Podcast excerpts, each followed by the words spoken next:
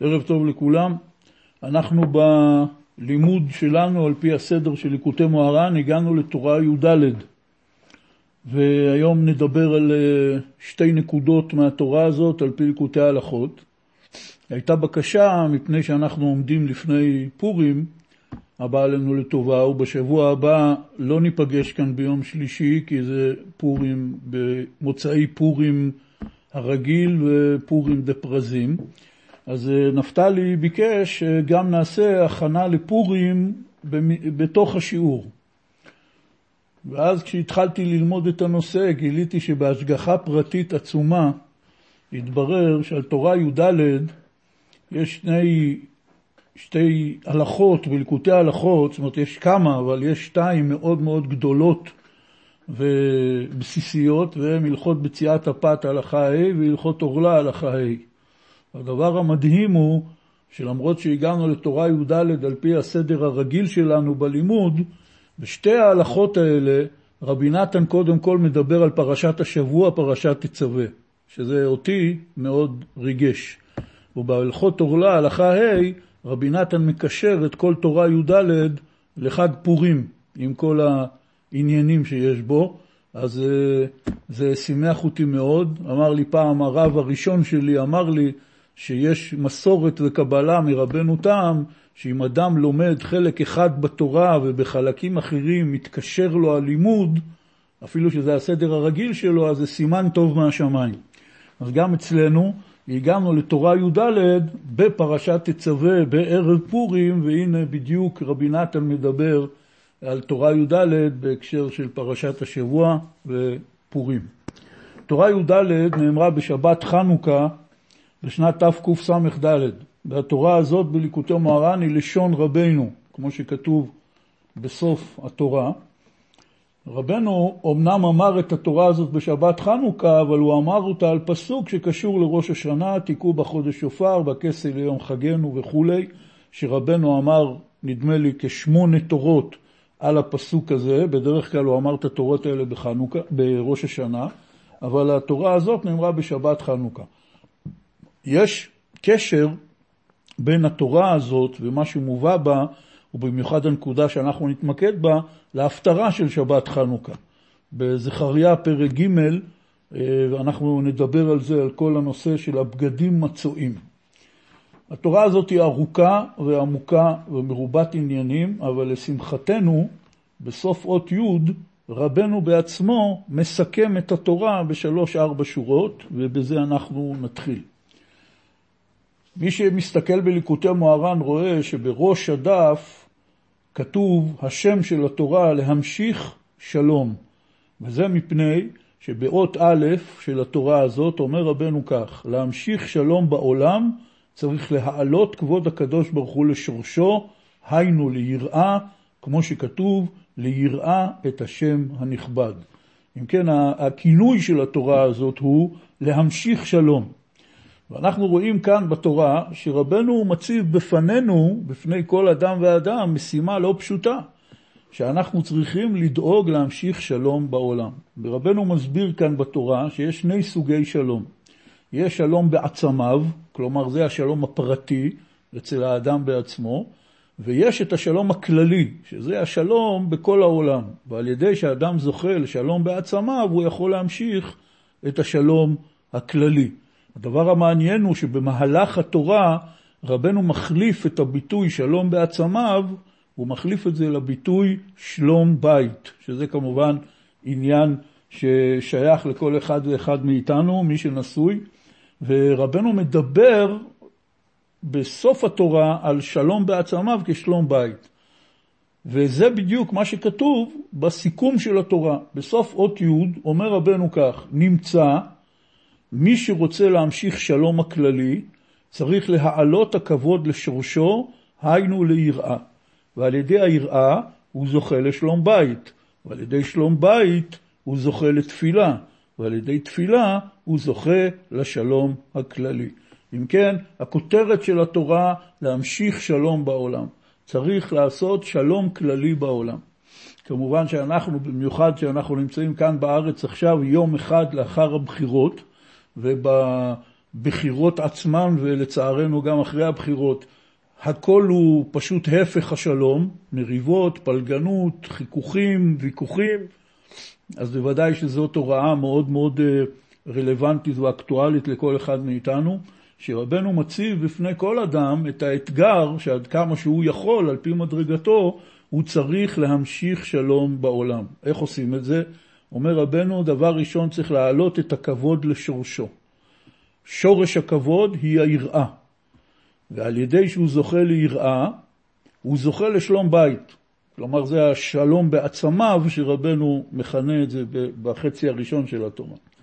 ועל ידי שלום בית הוא זוכה לתפילה, על ידי תפילה הוא זוכה לשלום הכללי. כלומר, הדרך להמשיך שלום בעולם זה על ידי תפילה.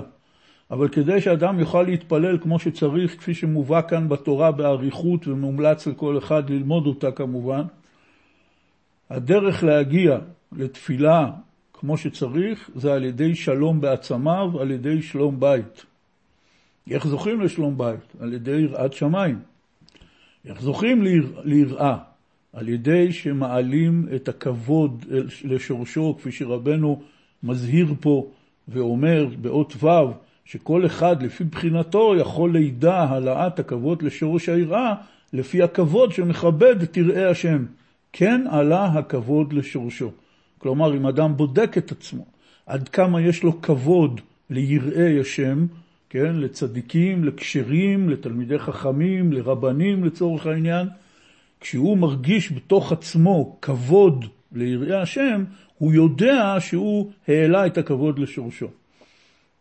ורק על ידי שמעלים את הכבוד לשורשו, ועל ידי זה זוכים ליראה, ועל ידי יראה זוכים לשלום בית, ועל ידי שלום בית זוכים לתפילה, רק על ידי תפילה כזאת שקדמו לה כל השלבים, אדם יכול אה, להמשיך שלום בעולם.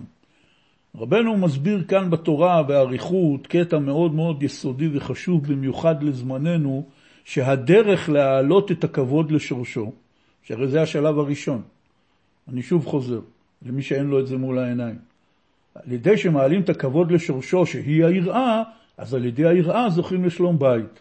ועל ידי שלום בית זוכים לתפילה, ועל ידי תפילה ממשיכים שלום בעולם. אז השלב הראשון זה שצריך להעלות את הכבוד לשורשו. איך מעלים את הכבוד לשורשו? אומר רבנו באות ג', הוא מתחיל עוד באות ב', אי אפשר להעלות את הכבוד אלא על ידי תורת חסד. מה זה תורת חסד? ללמד תורה אנשים שהם מחוץ לקדושה, שרבנו מכנה אותם פה גרים ובעלי תשובה. אומר רבנו, זהו כבודו של הקדוש ברוך הוא. כשבני אדם שהם מחוץ לקדושה מקרבין את עצמם לפנים מהקדושה, הן גרים שמגיירין, הן בעלי תשובה, שגם הם היו מבחוץ, כלומר בעלי תשובה היו מחוץ לקדושה, כמו שהגרים הם מחוץ לקדושה, וכשמקרבים ומכניסים אותם לפנים, זהו כבודו.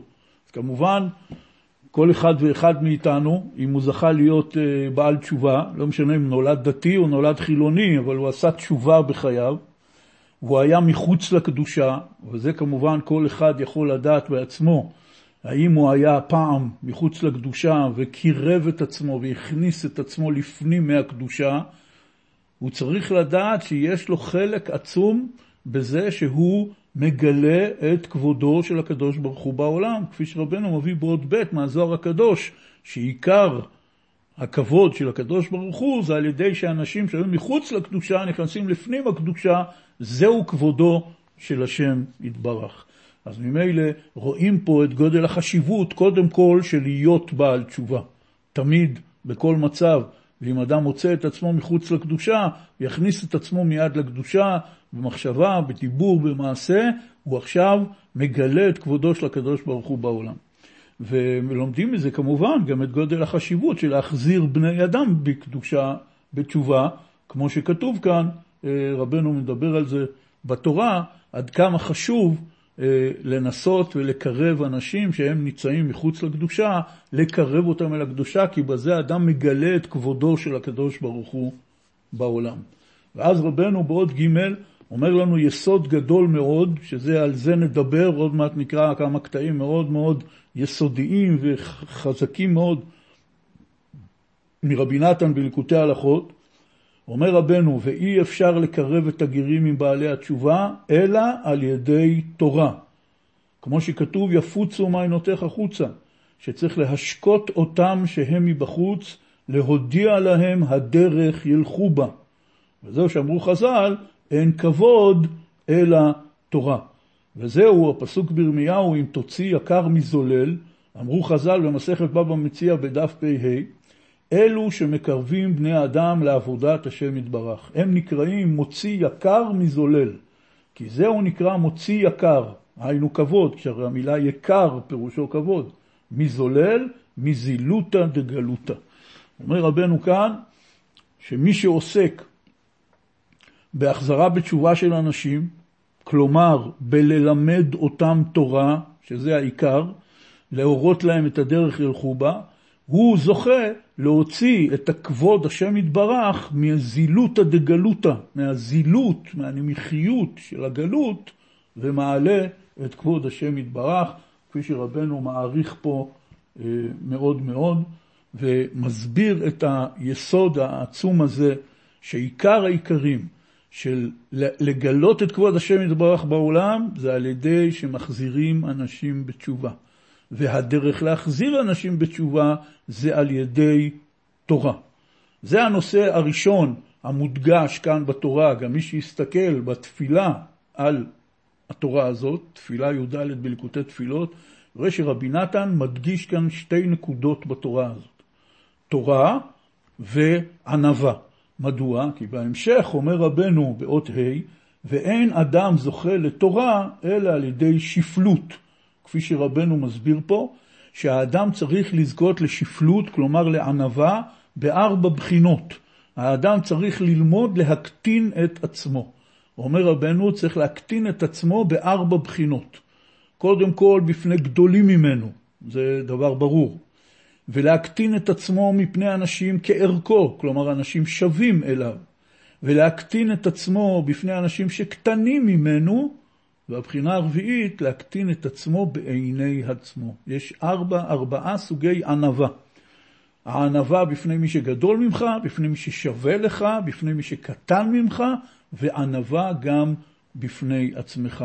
שתי הנקודות האלה, שענווה ותורה, שעל ידי ענווה זוכים לתורה, ואז אפשר להחזיר בתשובה, ואז אפשר לגלות כבוד השם יתברך בעולם, אלה שתי הנקודות שרבי נתן מדגיש בתפילה, ואלה גם הנקודות שעליהן הוא מדבר ב...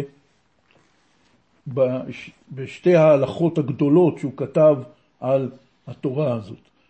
ואז יש כאן נקודה מאוד מאוד חשובה, שמפני שרבנו מדבר כאן בתורה על אנשים שחזרו בתשובה, כלומר אנשים שהיו חוץ לקדושה ונכנסו לתוך הקדושה, בתוך הקטע שהוא מפרש את המעשה של רבא בר בר חנה, רבנו מדבר על הנקודה של הבגדים הצועים, ונקרא את הקטע הזה, זה באות ה' לקראת אה, סופה.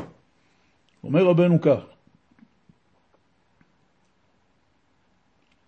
והתנוצצות שהנשמות מתנוצצין ומאירין ומעוררין את הפושעי ישראל בתשובה ומולידין נשמות גירים, זה מכונה בשם פלגה. מה זה פלגה? פלגה בארמית פירושו חצי. כלומר, הם לא שלמים, הם חצי. כי עדיין הם רחוקים מהקדושה מאוד. כלומר, אותם בעלי תשובה, אותם אנשים שהיו חוץ לקדושה והתקרבו לתוך הקדושה, עדיין הם רחוקים מהקדושה מאוד. ויכול להיות להם מניעות רבות, וצריך לזה יגיעות רבות, כדי להפשיט מהם הבגדים צועים שהלבישו, כמו שכתוב, הסירו הבגדים הצועים. זה כתוב בזכריה ג' שזאת הפטרת שבת חנוכה, שבשבת חנוכה רבנו אמר את התורה. זה לא מצוין כאן בתוך התורה, אז צריך לדעת את ההקשר. שרבנו בעצם אומר כאן תורה על, בשבת חנוכה על ההפטרה שקראו בשבת חנוכה, ושם מובא הסיפור, מומלץ לכל אחד להסתכל כמובן בזכריה פרק ג', שמתואר שם חיזיון שמימי, שהנביא זכריה אומר שהוא רואה את יהושע הכהן הגדול עומד לפני השם יתברך והוא לבוש בבגדים צועים, כלומר בגדים מלוכלכים בצואה, הדבר הכי מגעיל והכי נחות שיכול להיות. והמפרשים מסבירים שמה פשר העניין הזה שיהושע הכהן הגדול היה לבוש בבגדים צועים, זה הכל, הכל היה מראה נבואה של הנביא. יהושע הכהן הגדול באותה תקופה, בניו התחתנו עם נשים נוכריות. ובעצם אומרים לו, העבירה הזאת שיש בתוך ביתך, זה גורם לך להיות לבוש כביכול בבגדים צועים. ואז הקדוש ברוך הוא אומר לו, אה, אני מוריד ממך את הבגדים הצועים, ושבניך יחזרו בתשובה, וכמובן שיעזבו את הנשים הנוכריות, ואז הקדוש ברוך הוא מלביש אותו מחלצות בגדי כהונה. וכאן הקשר לפרשת השבוע שלנו, שאנחנו נמצאים בה, פרשת תצווה, שמדובר שם על בגדי הכהונה, ורבי נתן מקשר את העניין הזה כפי שנראה אה, בהמשך. אם כן, אומר רבנו, אותם אנשים שהיו חוץ לקדושה והתקרבו לקדושה, עדיין יש להם מניעות רבות. אני מתאר לעצמי שרבים מאיתנו, אני בוודאי, ובוודאי עוד כמה מהמאזינים, יודעים בדיוק על מה רבנו מדבר. בא אדם, החליט שהוא רוצה להתחיל לעבוד את השם יתברך, בין אם הוא היה, אה, התחיל לשמור מצוות, או שהיה דתי והחליט להתחזק, זה לא משנה, והוא בא ומכניס את עצמו לתוך הקדושה במסירות נפש גדולה, אבל השנים עוברות והוא מרגיש שהוא עדיין לא מתחיל להגיע באמת אה, לתוך עבודת השם. כפי שרבי נתן קורא לזה בתפילות שלו, עדיין לא נכנסתי מן החול אל הקודש אפילו כחוט השערה. והמניעות שיש בעבודת השם לבעלי תשובה הן הרבה יותר גדולות מאשר לאנשים רגילים שומרי תורה ומצוות, זה כל אחד ואחד מרגיש את זה, הוא חושב שזה ייקח אולי שנה או חצי שנה, ואז אה, בעלי תשובה יותר ותיקים יכולים לספר לו חדשות, שזה יכול גם להחזיק 40 שנה. אומר רבנו פה בליקוטי מוהר"ן, יכול להיות להם מניעות רבות, וצריך להם יגיעות רבות, כדי להפשיט מהם הבגדים צועים שהלבישו. כמו שכתוב בנביא, הסירו הבגדים הצועים. כי אלו הבגדים הצועים, הם מונעים אותם מלחזור לקדוש ברוך הוא. והם מפסיקים כמו נהר המפסיק. שאי אפשר להלוך דרך אותו נהר וצריך להשליך הבגדים הצועים. זה מה שאומר כאן רבנו בתורה, בתורה י"ד. כלומר, הוא מתאר כאן מצב, כמובן, אני אומר עוד פעם, זה לא איזו סוגיה תיאורטית אה, לכל אחד מאיתנו שעבר ועובר את הדבר הזה, הוא יודע את זה, שלפעמים אדם מרגיש שלמרות כל הניסיונות וכל הרצונות, יש כאילו איזה נהר אדיר שהוא לא מצליח לעבור אותו מגדה לגדה. הוא רוצה להיכנס אל תוך הקדושה והוא לא מצליח. יש לו מניעות עצומות וגדולות. אומר רבנו, זה הבגדים הצועים שיש על הנשמה. תכף נראה מה העצה שרבי נתן אומר, איך אפשר לפתור את זה. מה הכוונה שרבנו כותב כאן בליקוטי מוהר"ן, צריך להם יגיעות רבות. אומר האדם, אני מוכן לעשות את כל היגיעות בעולם, אבל בוא תסביר לי מה אני צריך לעשות. תכף נראה מה רבי נתן אה, כותב על זה. אז אם כן, רבנו מדבר כאן על סוגיה בעבודת השם. והנה בהלכות בציאת הפת, הלכה ה', בליקוטי הלכות אורח חיים, כותב רבי נתן את הדברים הבאים, וזה צריך כל אדם לידע, כשרוצה להתקרב להשם יתברך, ורואה שהמניעות והמסקים המתפשטים כנגדו מאוד מאוד, ובפרט שכבר התחיל מעט, ורואה שבכל פעם משתתחים כנגדו יותר ויותר. ולפעמים רואה שאחר כמה ימים ושנים שנדמה לו שכבר התחיל להיטהר קצת, חזר ונפל, והתגברו עליו התאוות והערעורים בהשתתחות עצום מאוד, רחמנא ליצלן. צריך שידע שכל זה נמשך מהבגדים הצועים שעדיין לא נזדכך מהם, שמשם כל המניעות וההתגברות. וכמבואר היטב בתורה הנ"ל, שהבגדים הצועים הם מונעים כמו נהר המפסיק. וכפל ושילש שם בדיבורים אלו מגודל עוצם ריבוי המניעות והמסקים שיש לאדם מחמת הבגדים הצועים ושצריך לזה יגיעות רבות. ומחמת גודל היגיעות שצריכים להפשיט מעצו הבגדים צועים, ואליו כל אדם זוכה לעמוד בזה, מזה בא כל מה שעובר על האדם. ואפילו מי שכבר התחיל קצת בעבודת השם, והתחיל לטהר עצמו מעט, ואפילו אם כבר עלה קצת מדרגה לדרגה, או בכל פעם מזדכך ביותר, אף על פי כן יכול להיות שאחר כך יחזור ויתפשט עליו כל התאוות והערעורים בהתפשטות יותר מבתחילה, והכל על ידי הבגדים הצועים שעדיין לא הפשיט אותם לגמרי, אף על פי שכבר התחיל לטהר עצמו קצת. הדבר הזה זה פשוט אה, מבהיל עד כמה שזה מדויק. אנחנו יודעים היום, אה, הבעלי תשובה הוותיקים, ובמיוחד אלה שעוסקים עם בעלי תשובה, יודעים שיש דבר שמכונה היום משבר 15 שנה, ש-15 שנה אחרי החזרה בתשובה, ובמקרים מסוימים זה קורה גם אחרי חמש שנים, אבל אצל רוב בעלי התשובה שאני מכיר לפחות, זה מגיע אחרי 15 שנה של החזרה בתשובה, פתאום כל העבר מציף אותם בצורה מאוד מאוד חזקה. זה בא בגעגועים לספרים או למוזיקה או לסרטים או זיכרונות, דבר מאוד מאוד קשה. שכמעט כל בעל תשובה עובר אותו, יש כאלה ששורדים אותו בשלום ויש כאלה שמתרסקים ממנו, חלק מהם אנשים מאוד מאוד מפורסמים, אה, אז אה, זה יותר מתפרסם. זה חוק ברזל. למה זה קורה? אף אחד לא יודע, זה לא כתוב בשום ספר כאילו, אבל זה התגלה מתוך המציאות. ויש אנשים שיכולים לייעץ, עצות של חברים, איך אפשר להחזיק מעמד בתקופה הזאת. והנה אנחנו רואים שזה כתוב כאן בליקוטי הלכות, שרבי נתן אומר לנו בהלכות פציעת הפת ה', אות ה', הוא אומר במפורש, שאפילו אם הם כבר התחילו בעבודת השם, וטיהרו את עצמם מעט, ואפילו עלו מדרגה לדרגה, ובכל פעם הזדככו יותר, אף על פי כן, אומר רבי נתן, יכול להיות שאחר כך יחזור ויתפשט עליו כל התאוות והערעורים, בהתפשטות יותר מבתחילה, עד כדי כך. כלומר, יכול להיות מצב שאחרי אדם נכנס בעבודת השם, עלה מדרגה לדרגה, הגיע למדרגות, הזדכך, פתאום הכל חוזר עליו, והוא יכול אפילו ליפול יותר עמוק ממה שהוא היה עוד לפני שהוא חזר בתשובה. עד כדי כך אה, הדיבור המבהיל פה של אה, רבי נתן. ואז בא רבי נתן ואומר, זה לא רק באופן פרטי על האדם המסוים הזה, הבעל תשובה, יש לו משבר. בעוד זין, אה, כאן בהלכה, אומר רבי נתן כך, אני ככה מדלג מאות לאות, נותן לכם תקציר, מומלץ לכל אחד ללמוד את ההלכה המדהימה הזאת, שהיא עוסקת גם הרבה בעניינים של אה, אכילה ובירורים שנעשה על ידי אכילה ועל הלחם ועל שבת קודש ועל חנוכה, מאוד מומלץ ללמוד את זה. אם כן, אומר רבי נתן בעוד זין, וכן בכלליות העולם, כלומר לא רק אצל האדם הפרטי, אלא באופן ציבורי, עיקר עוצם היגיעות שיש עכשיו למי שרוצה לכנוס בעבודת השם, וכל עוצם מרירות הגלות של עכשיו בעקבתא דמשיחא, הוא מחמת שעכשיו צריכים לברר תכלית הבירור. זה מה שאומר פה רבי נתן.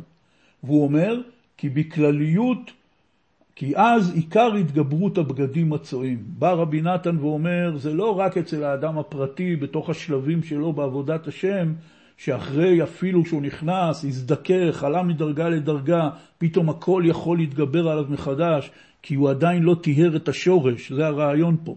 הוא, לא, הוא עוד לא תיקן את ההתחלה של ההתחלה, ולכן הוא נכנס אל תוך התשובה עוד עם, צוע, עם בגדים צועים, ולכן הוא צריך יגיעות גדולות כדי לתקן את הבגדים הצועים, להוריד את הבגדים הצועים, כמו שמובא שם בנביא על יהושע הכהן הגדול, ולהלביש אותו מחלצות, כלומר להתקדש במה שמכונה אצל רבי נתן פה הבגדים הלבנים, בגדי הכהונה, להתקדש ולהיטהר. אומר רבי נתן, זה לא רק שלבים בעבודת השם של האדם הפרטי, אלא זה גם מה שקורה היום בעולם באופן כללי, שקשה מאוד, יש התגברות מאוד חזקה של הבגדים הצועים, שזה הכל נעשה לצורך הבירור. מה העצה? מה עושים?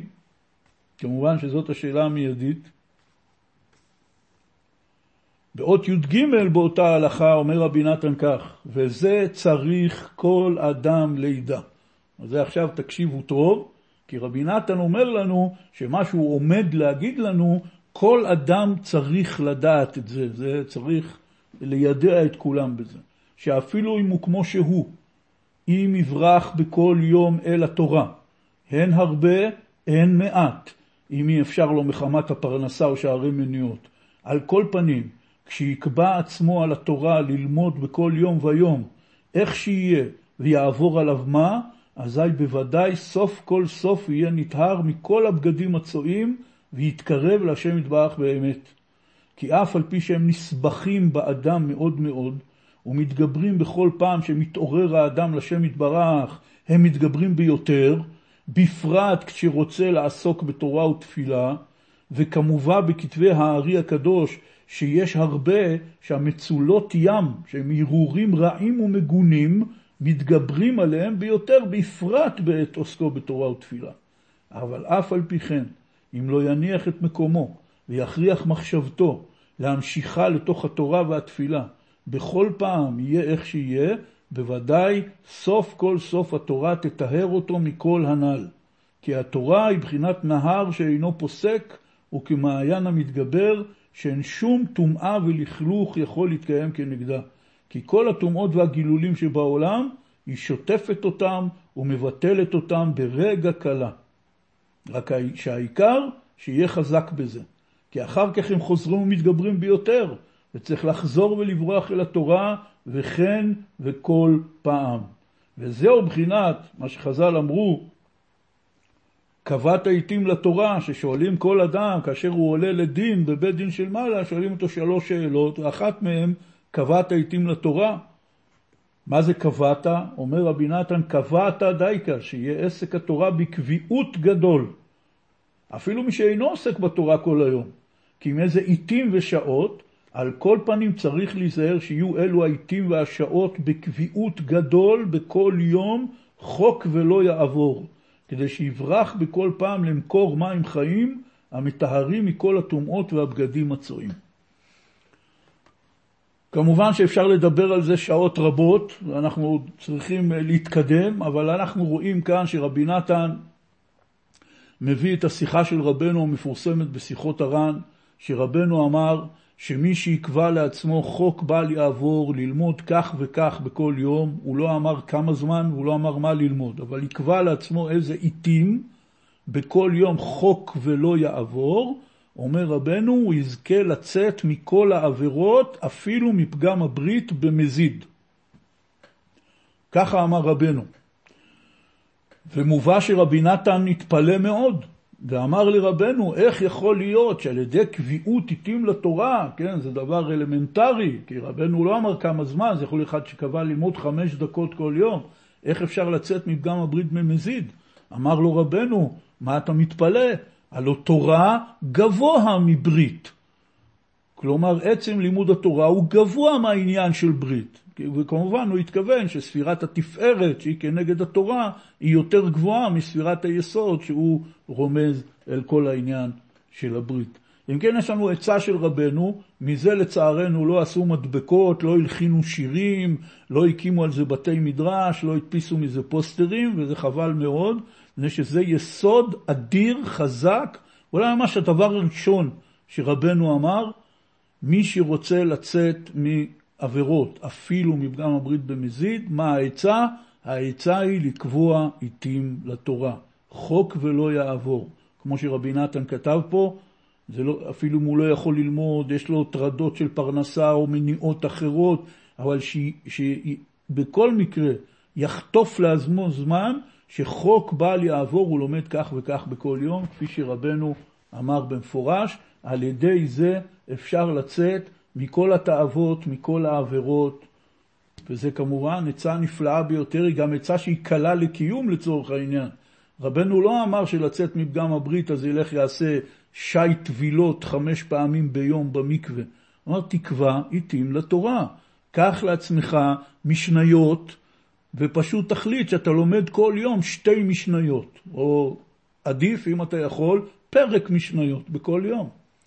מובא שמצאו כתב שבו רבי נתן ועוד כמה עובדי השם גדולים מתלמידי רבנו, הם ייסדו לעצמם חבורה ועשו לעצמם כתב תקנות, איך הם עובדים את השם ביחד. ומובא שאחד התקנות שם היה שלומדים כל יום פרק משניות ביחד. לא מדובר פה עכשיו להתחיל להיות איזה תלמיד חכם עצום או משהו כזה.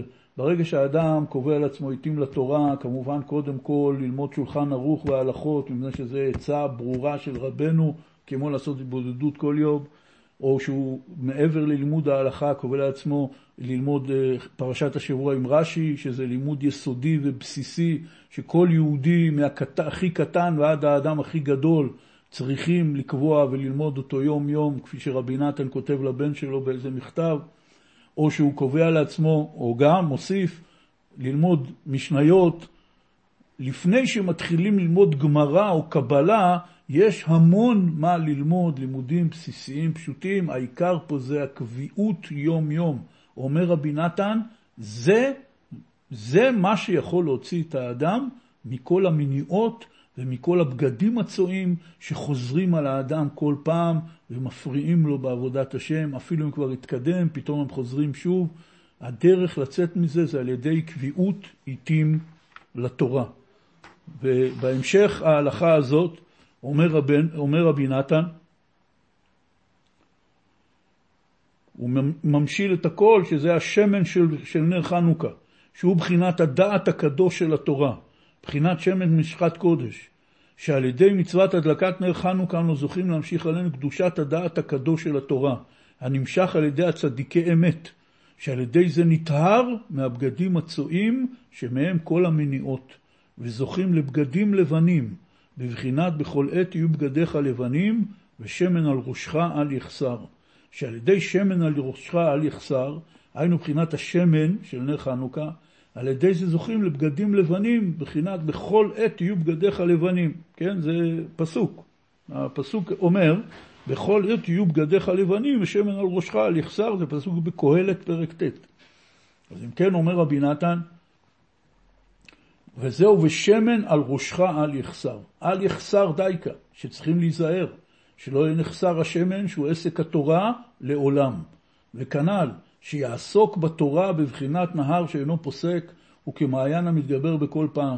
ואז יזכה שבכל עת יהיו בגדם לבנים, בכל עת דייקה, היינו אף על פי שהם, כלומר המניעות, הבגדים הצועים, ירצו להתגבר בכל פעם, לעורר פגם הבגדים הצועים חס ושלום, אבל על ידי שיברח אל התורה בכל פעם, בבחינת ושמן על ראשך על יחסר, על ידי זה יטהר בגדיו בכל פעם על ידי מימי התורה.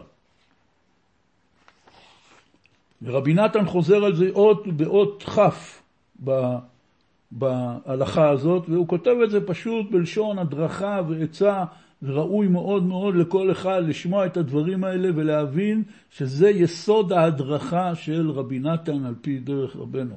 אומר רבי נתן שם, בהלכות פציעת הפת, הלכה ה' עוד כ'.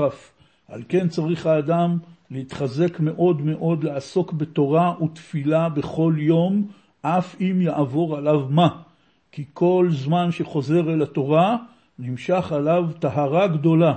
ואף אם אחר כך נעשה עמו מה שנעשה, כלומר נמשך עליו טהרה גדולה, הוא לומד, הוא מתפלל, אחרי זה הוא יוצא מהלימוד והתפילה, נופל עוד פעם במחשבה או במעשה, אומר רבי נתן, ואף אם אחר כך נעשה עמו מה שנעשה, אף על פי כן יחזור ויברח אל התורה, עד שסוף כל סוף יהיה נטהר על ידי התורה, שתורה אותו דרך, התורה תורה אותו דרך, לצאת מכל הבליו ורעיוניו הרעים הנמשכים מהבגדים הצועים שנסבכים בו כל כך, שמהם כל המניעות והבלבולים, כי התורה היא מקור מים חיים שמטהרת מכולם. מה עוד אפשר להגיד ולומר? אנחנו כולנו צריכים לעשות לעצמנו סוויץ' במחשבה, מפני שיכול להיות אדם שהוא חזר בתשובה, התחיל לעבוד את השם על פי דרך רבנו, אפילו, כמו שרבי נתן אומר, נטהר קצת, עלה מדרגה לדרגה, הזדכך, ופתאום באה לו מכה נוראית של מחשבות והרהורים מגונים ורעיונות רעים. מה עושים? ואז הוא מתחיל, הוא אומר אולי מקווה, אולי אני אצעק בשדה כל הלילה, אולי אני אגמור את התהילים שלוש פעמים ביום, אולי איזה סגולה מאיזשהו מקום, אולי אני אלך לבקש ברכה מאיזה צדיק. כל העצות האלה הן עצות נפלאות.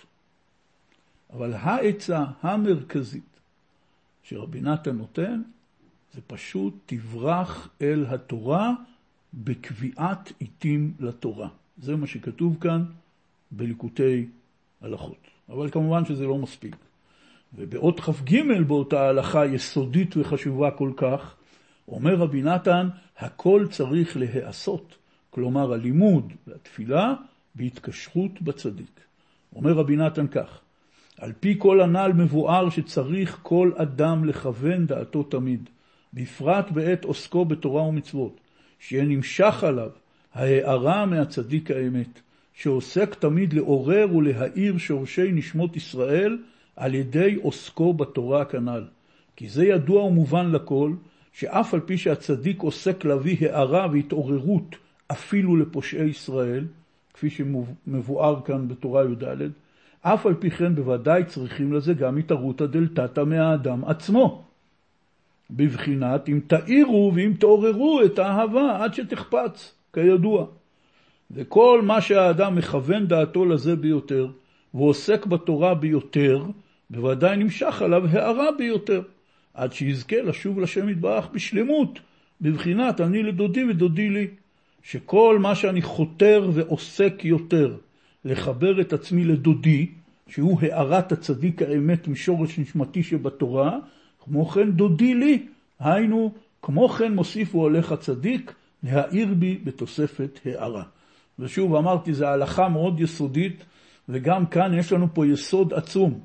אומר רבי נתן, כדי שהתורה והתפילה באמת יפעלו את פעולתם ויפשיטו ממך את הבגדים הצועים ויטהרו אותך ויזכחו אותך, אתה צריך לכוון את דעתך, בפרט כשאתה עוסק בתורה ומצוות, שתימשך עליך הארה מהצדיק האמת.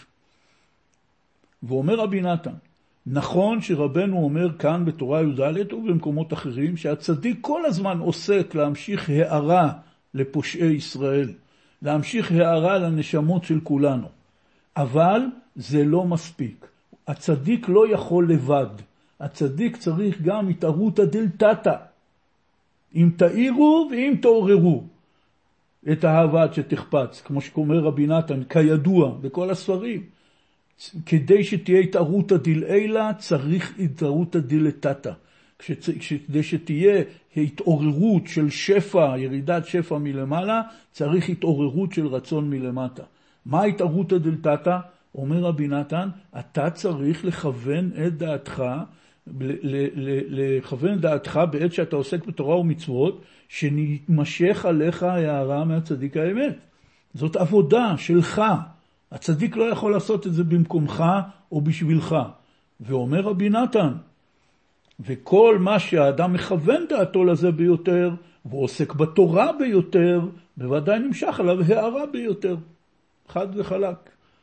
האדם, כמה שהוא יותר מכוון, וכמה שהוא יותר לומד תורה, אז נמשך עליו הערה הרבה יותר גדולה מהצדיק. וזה הכל פה ממש אולי אפילו מקור למה שכותב רבי אברהם בן רבי נחמן, שמה שרבנו אמר, אני נהר המטהר מכל הכתמים, הוא מתכוון ללימוד תורתו, ובפרט לעיון שבה. כלומר, זה לא סתם עכשיו אני, לא יודע, שמתי על עצמי איזה כיפה של ברסלב, ועכשיו אני אצל רבנו והוא נהר המתאר מכל הכתמים. זה לא עובד ככה. כדי לטבול בנהר הזה שמתאר מכל הכתמים, אומר רבי אברהם, זה נקרא ללמוד ולעסוק בתורת הצדיק, ובפרט בעיון. וזה כמובן עניין מאוד יסודי וחשוב שרבי אברהם הדריך אותנו עליו וכתב עליו הרבה בספרים שלו, וזה דבר שתמיד צריך חיזוק. כי גם מי שכבר קובע עיתים לתורה, בוודאי הוא יכול לקבוע יותר ולהעמיק יותר וללמוד יותר בעיון, ואם הוא לומד תורה אבל לא לומד תורת הצדיק, הוא צריך גם כאן, תמיד אפשר uh, להתחזק. וידוע שיש סיפור uh, מאוד מפורסם, שרבי ישראל מסלנט, שהיה עובר ממקום למקום ונותן דרשות לחזק את לימוד ספרי המוסר, שאז בזמנו זה היה מאוד חלש, הוא ככה החזיר עטרה ליושנה, והיה ויכוחים על זה, כי הרבה רבנים סברו שמה אתה אומר לאנשים לסגור את הגמרא ועכשיו לפתוח ספר מוסר וללמוד? זה לא מצא חן בעיניהם, זה היה בליטא, שם היה מורשת ומסורת של לימוד מאוד חזקה, לימוד גמרא, וזה, היו רבנים שהתנגדו לזה.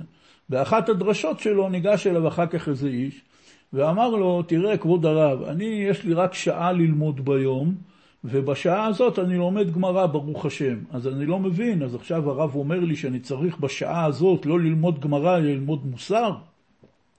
מה אני צריך ללמוד בשעה הזאת? גמרא או מוסר? אמר לו ישראל צננטר, אתה בשעה הזאת תלמד מוסר. כי אם תלמד מוסר שעה, תגלה פתאום שיש לך עוד שעה כדי ללמוד גמרא.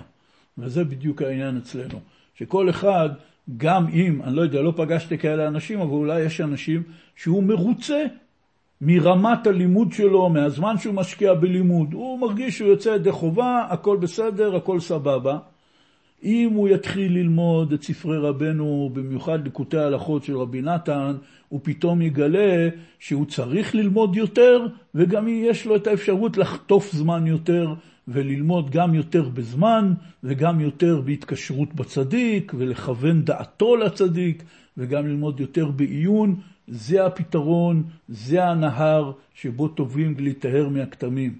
ואנשים עומדים על שפת הנהר, כלומר על שפת ההדרכות של רבנו ורבי נתן בלימוד התורה, אבל הם לא מקיימים אותם, כי נתקע להם איזה דמיון שזה משהו ליטאי במרכאות, וזה לא ברסלבי במרכאות, ומעסיקים את עצמם בכל מיני עבודות אחרות, שהן כולן קדושות, כמו, אני לא יודע, קברי צדיקים, או הפצה, או כל מיני דברים, שכל דבר כשלעצמו מאוד מאוד קדוש. אבל אתה עומד על שפת הנהר, ובמקום לטבול בו, אתה עוסק, עסוק בדברים אחרים, ואז אתה בא בטענות, כביכול, למה אני לא מצליח להיטהר ולהתקדש? והתשובה היא מאוד פשוטה, מפני שבספרי רבך, מורנו ורבנו הרב רבי נחמן, בספרי תלמידו רבי נתן, כתוב שהטהרה והקדושה זה על ידי לימוד התורה. כמו בהלכה הזאת, הלכות בציית הפת, הלכה ה', שהיא הלכה מאוד חשובה ומאוד מאוד אה, יסודית. ואומנם רבי נתן כאן, בהלכות פציעת הפת הלכה ה', מקשר את כל מה שדיברנו עליו עכשיו גם לפרשת השבוע, פרשת תצווה, אבל לפני שאנחנו צריכים לעבור לקשר לפורים, אז אני פשוט משאיר לכם את זה. בהלכות פציעת הפת, הלכה ה', באות כ"ד, רבי נתן מדבר על אה, פרשת השבוע ומסביר באריכות נפלאה שכל העניין של ואתה תצווה זה, זה הכוונה מלשון צוות, כלומר לחבר את כל כלל ישראל לנשמת הצדיק האמת משה רבנו, שהרי אנחנו נמצאים עכשיו גם במוצאי זין אדר, שזה יום פטירתו ולידתו של משה רבנו, ותמיד קוראים את הפרשה הזאת, פרשת תצווה, בשבוע שחל בו זין אדר, וכידוע יש עניין שלם שמשה רבנו אמר לקדוש ברוך הוא, מכני נא מספרך אשר כתבת, אז היא קיללת חכם אפילו על תנאי בה, שבפרשת תצווה לא נזכר שמו של משה רבנו, ובדרך פלא זה בדיוק תמיד יוצא בשבוע שבו הוא באמת נולד ונפטר. ואנחנו יודעים שמשה רבנו נולד בדרך של הסתרה, שהרי אימא שלו החביאה אותו בבית, ואחרי זה החביאה אותו בתיבת גומה, וגם כשהוא נפטר, הוא גם כן אה, נסתר, כי הקדוש ברוך הוא קבר אותו בגיא ולא, ולא ידע איש את גבורתו עד היום הזה. כלומר, כל העניין של הצדיק, משה רבנו, היה עניין של הסתרה וגילוי, וזה הכל סודות עליונים מאוד. אומר רבי נתן פה באות כ"ד בהלכה הזאת, קטע ארוך מאוד, הוא מסביר את העניין הזה של ההתקשרות בצדיק, שזה נקרא ואתה תצווה את בני ישראל ויקחו אליך שמן זית זך, והוא מעריך פה בדברים נפלאים ועמוקים, שזה בדיוק העניין. תצווה מלשון צוות, מלשון חיבור. אתה תחבר אליך את בני ישראל, כלומר שהם יתקשרו בך, ויקחו אליך שמן זית זך, יביאו את השמן שמרמז על הדעת הקדוש, יביאו אותו אל הצדיק. דברים נפלאים, אשרינו מה טוב חלקנו שזכינו בכלל לדעת מהתורות האלה. עכשיו נעבור לנקודה השנייה. הנקודה השנייה שיש בתורה י"ד, שרבנו אומר שם, כפי שהזכרנו, שהדרך לעלות, קודם כל צריך להעלות את כבוד השם לשורשו. איך עושים את זה? על ידי שמקרבים אנשים שהיו מחוץ לקדושה, מקרבים אותם אל הקדושה. אבל אי אפשר לקרב אותם רק על ידי תורה.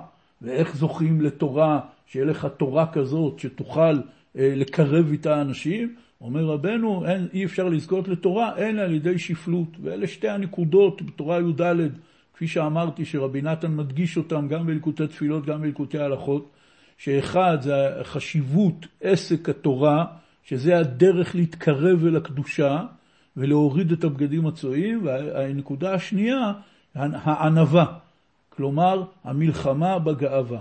ובמקום אחר בליקוטי הלכות, בליקוטי הלכות יורד דעה, חלק ה' בליקוטי הלכות, הלכות עורלה, הלכה ה', שזה גם כן הלכה מאוד מאוד יסודית בליקוטי הלכות, שפה רבי נתן כותב באריכות סודות נוראים על ט"ו בשבט גם, שזה יום הולדתו ומגלה סודות גדולים על ט"ו בשבט.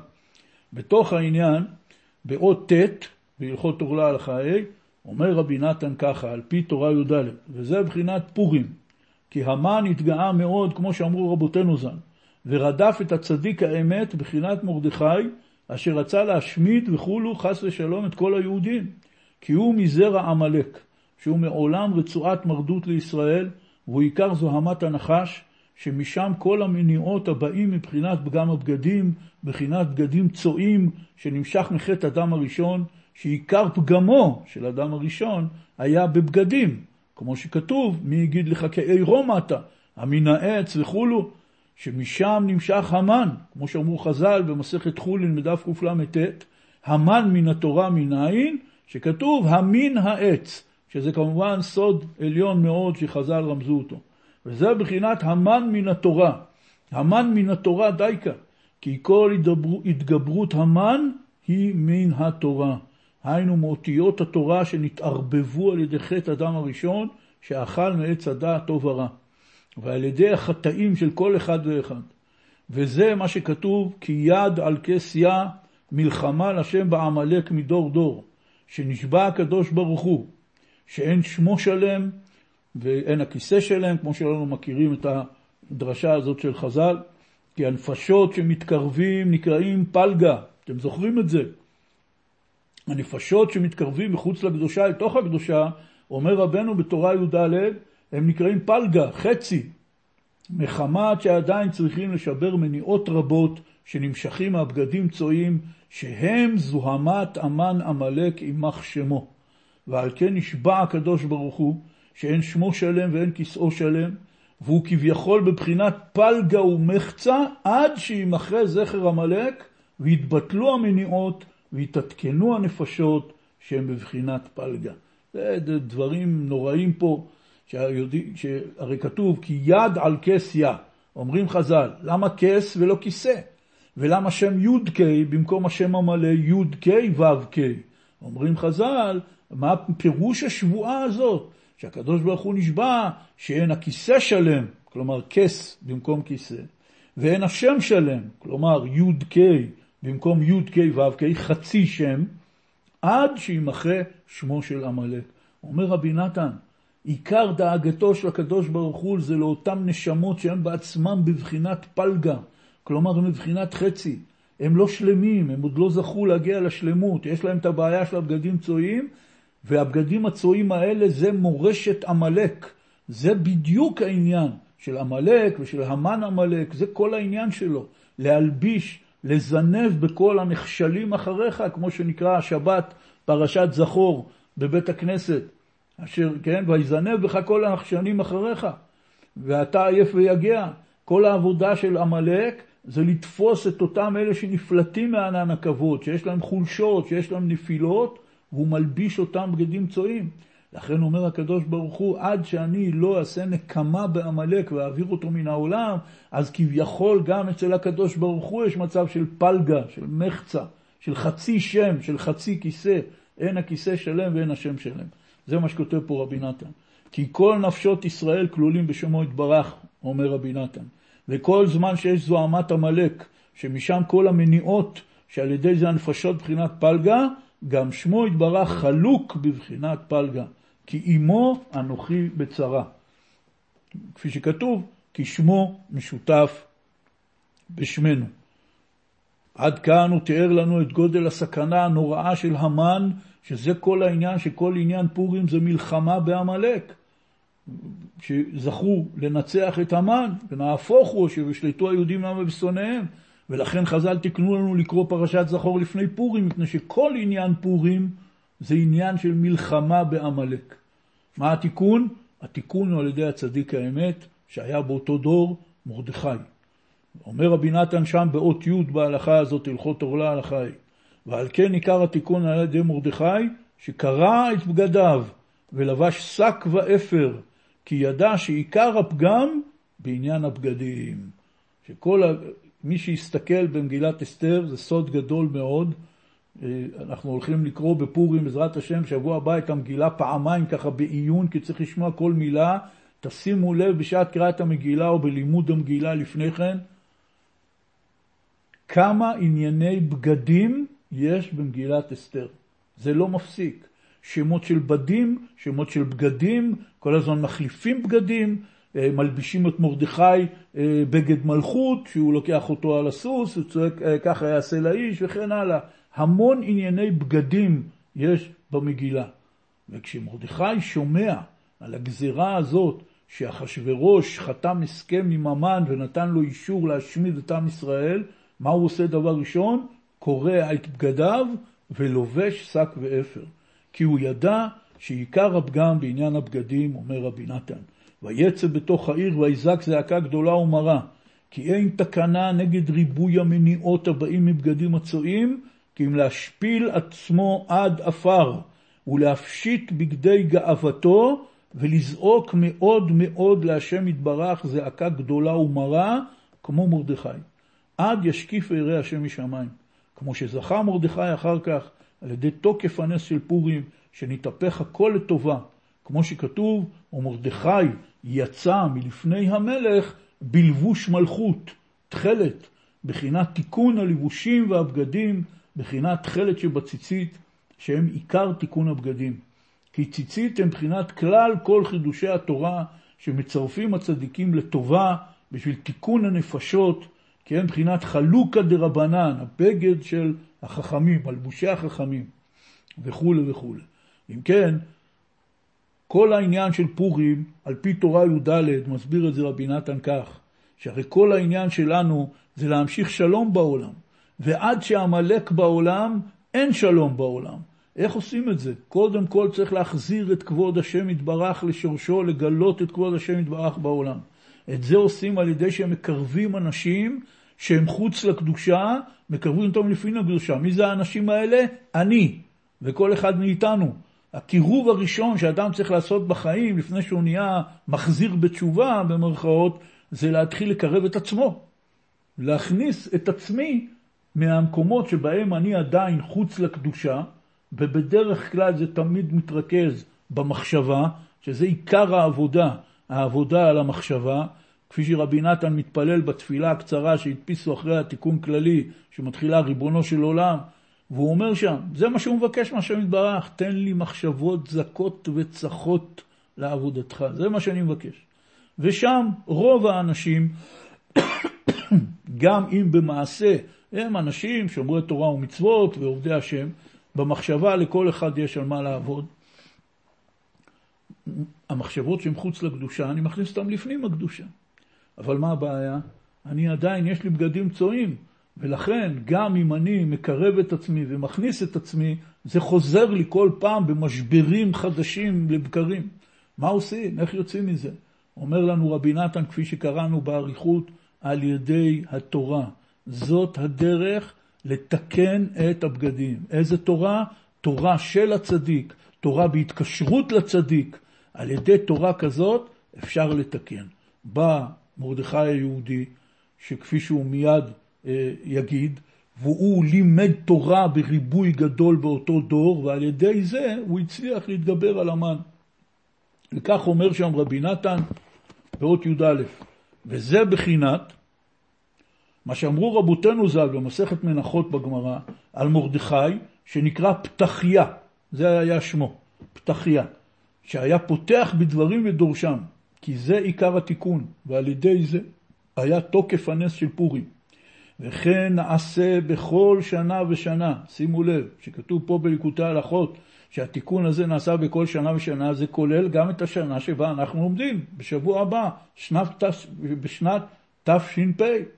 אומר רבי נתן, וכן נעשה בכל שנה ושנה להכניע זוהמת עמלק על ידי הצדיק האמת, שהוא בבחינת מרדכי פתחיה, שפותח בדברים ודורשן, שבכל פעם פותח בדברי אותיות התורה ודורשן ומצרפן מחידושי תורה נפלאים כפי הדור וכפי האדם וכפי המקום והזמן, באופן שיאיר על כל אחד הערה משורש נשמתו שבאותיות התורה, באופן שישוב אל השם באמת.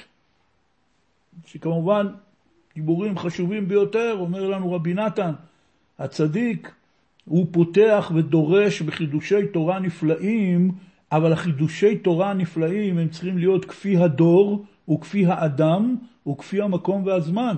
למה? כדי שזה יאיר על כל אחד הערה משורש נשמתו. ולכן יש לנו את ההוראה הזאת מרבנו, שגם כאשר אנחנו לומדים את ספרי רבנו, חידושי התורה הנפלאים שרבנו כתב ושרבי נתן כתב, תמיד אנחנו צריכים לקרוא את זה ולפרש את זה באופן כזה שהדבר הזה יהיה כפי האדם וכפי הזמן וכפי המקום, באופן שזה יאיר לי. כי אם זה לא מאיר לי, אני צריך למצוא דרך חדשה איך לקרוא את הדיבורים האלה באופן כזה שזה יאיר עליי. וזה מה שאומר פה רבי נתן, ולכן וזה בחינת מרדכי שנקרא פתחיה, שפותח בדברים ודורשן, פותח דייקה, שהוא פותח, הוא מתחיל, הוא מעורר התנוצצות אותיות התורה שמושרשים בהם כל נפשות ישראל. ודורשן ומצרפן בצירופים חדשים נפלאים, כפי הדור וכפי העת והזמן, עד שמכניס התעוררות התשובה לנפשות ישראל ומלמדם, ומלמדם דעת ועצות עמוקות נפלאות על ידי דרשותיו הקדושות, עד שמתקן אותם שזהו בחינת הנס של פורים שהיה על ידי מרדכי, שחזרו וקיבלו את התורה מחדש לקיימה באמת. כמו שכתוב במגילת אסתר, קיימו וקיבלו. וכמו שאמרו רבותינו ז"ל במסכת שבת, שבימי אחשורוש, אז בימי מרדכי ואסתר, עם ישראל קיבל מתן תורה מחדש, במתן תורה קיבלו את התורה מיראה, ובפורים קיבלו את התורה מאהבה. או כפי שהסבירו גדולי ישראל, המהר"ל מפראג ואחרים, שזה היה העניין של קבלת וגילוי העניין של התורה שבעל פה. שהרי מגילת אסתר היא סוף התנ"ך, ואז נהיה גילוי חדש לגמרי, שמרדכי היה מאנשי כנסת הגדולה, יחד עם שלושת הנביאים האחרונים, חגי, זכריה ומלאכי, והדור שהיה מיד אחריהם, התחיל דור התנאים, ששמעון הצדיק, הכהן הגדול, הוא היה מאנשי כנסת הגדולה, אבל הוא גם היה הרב של התנא הראשון אנטיגנוס איש סוחו, כלומר שמעון הצדיק היה על חוליה מחברת בין תקופת התנ"ך לתקופת התנאים, התורה שבעל פה, ואז נהיה הגילוי החדש של התורה שבעל פה, זה היה מתן תורה חדש לגמרי, שהתגלה בעולם הקבלה הזאת של עם ישראל את התורה שבעל פה, שרק איתה הוא יכול לשרוד את הגלות, וזה כתוב בכל ספרי גדולי ישראל, גדולי המחשבה ופנימיות התורה, אבל לענייננו כאן, אומר רבי נתן, מה זה היה העניין הזה? איך זה נהיה? זה נהיה מתורתו של הצדיק. ולכן, אומר רבי נתן, זה נעשה בכל שנה ושנה. שמתגלה בפורים הארה עצומה מתורתו של צדיק האמת, שהיא יכולה להאיר בנפשות כל ישראל ולגרום להם להוריד את הבגדים הצועים, ועל ידי זה באמת להיכנס לתוך הקדושה באופן קבוע, ועל ידי זה זוכים לשלום, שלום בית, שלום בעצמיו, ועל ידי זה זוכים לתפילה, ועל ידי התפילה אפשר להמשיך שלום בעולם, זה התקציר אה, פחות או יותר מה שאפשר להגיד פה. באות י"ג, ובזה אה, נסיים, באות י"ג אה, כותב רבי נתן כך, ועל כן היה התחלת טעותם על ידי שלבשו בגדי כהונה בסעודתם. אחשוורוש עשה סעודה גדולה, הזמין את כל עם ישראל לסעודה, והם לבשו את בגדי הכהונה בסעודה, זה כתוב במסכת מגילה, בדף י"ב עמוד א', זה עניין אה, עמוק מאוד, אומר רבי נתן, חז"ל אמרו שהתחלת הטעות שלהם, שנגזרה עליהם הגזרה, בגלל זה, זה שהם לבשו בגדי כהונה בסעודתם, כי עיקר הפגם נוגע מהבגדים, ועל כן הכהן, שהיה צריך לכפר עוונות ישראל על ידי עבודתו, היה צריך ללבוש בגדי כהונה, לכפר ולתקן פגם הבגדים הצועים הנ"ל. ועיקר פגם הבגדים הצועים הוא על ידי גאות וכבוד. ועל כן נוגע עיקר הפגם והכבוד בבגדים. כי עיקר הגאות הוא בבגדים, שבשורשם הם גבוהים מאוד בבחינת, הפסוק בתהילים שכולנו מכירים, השם מלאך גאות לבש. כלומר העניין של התגלות הגאווה הוא בא בצורה של לבוש, בצורה של בגד.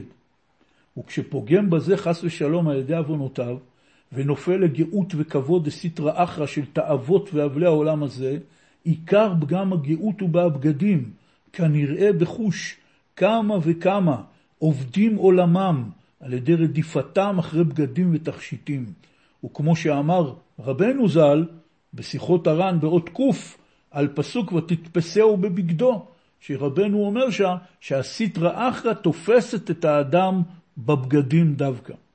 ועל כן אומר רבי נתן, ושוב אני חוזר, שמחה גדולה, איך יצא שאנחנו בסדר שלנו צריכים ללמוד תורה י"ד, וזה יצא פה שההלכות שרבי נתן מדבר עליהן, הן גם קשורות בפורים, אבל גם קשורות בפרשת השבוע, פרשת תצווה. ועל כן היה הכהן הגדול לבוש בבגדים יקרים מאוד, שהיו כלולים בהם כל הגוונים, שהם זהב ותכלת וארגמן, ועל כולם החושן והאפוד, שהיה בהם אבנים טובות, יקרות מאוד, ועליהם היו חקוקים שמות בני ישראל, שיש בהם חמישים אותיות, שהם בחינת כלל אותיות התורה, שכלולים בחמישים שערי בינה. והכהן הגדול נשא כל זה על ליבו, כדי להעלות ולתקן כל תאוות הנגידות והעשירות, ששם עיקר אחיזת הגאות כנ"ל. כן, בגלל שהוא היה, היה לובש על ליבו יהלומים יקרים מאוד, זה בא לתקן את תאוות הנגידות והעשירות, את תאוות הממון והרכוש שיש לעם ישראל, על ידי שהכהן הגדול היה לובש על ליבו את החושן והאפוד, זה היה תיקון לתאוות הממון של כלל ישראל. כותב רבי נתן, ובעוונותינו הרבים, כשהתגברה מלכות הרשעה והגלו את ישראל, ותפסו בגלות גם את בגדי כהן הגדול, ונתלבשו בהם, סברו שיש להם כוח לכלות את ישראל לגמרי, והעיקר על ידי שיכניסו בהם תאוות העשירות, לחמוד לבגדי כבוד ולתכשיטין של אבנים טובות ויקרות, מאחר שאין לנו כהן הגדול לתקן כל זה.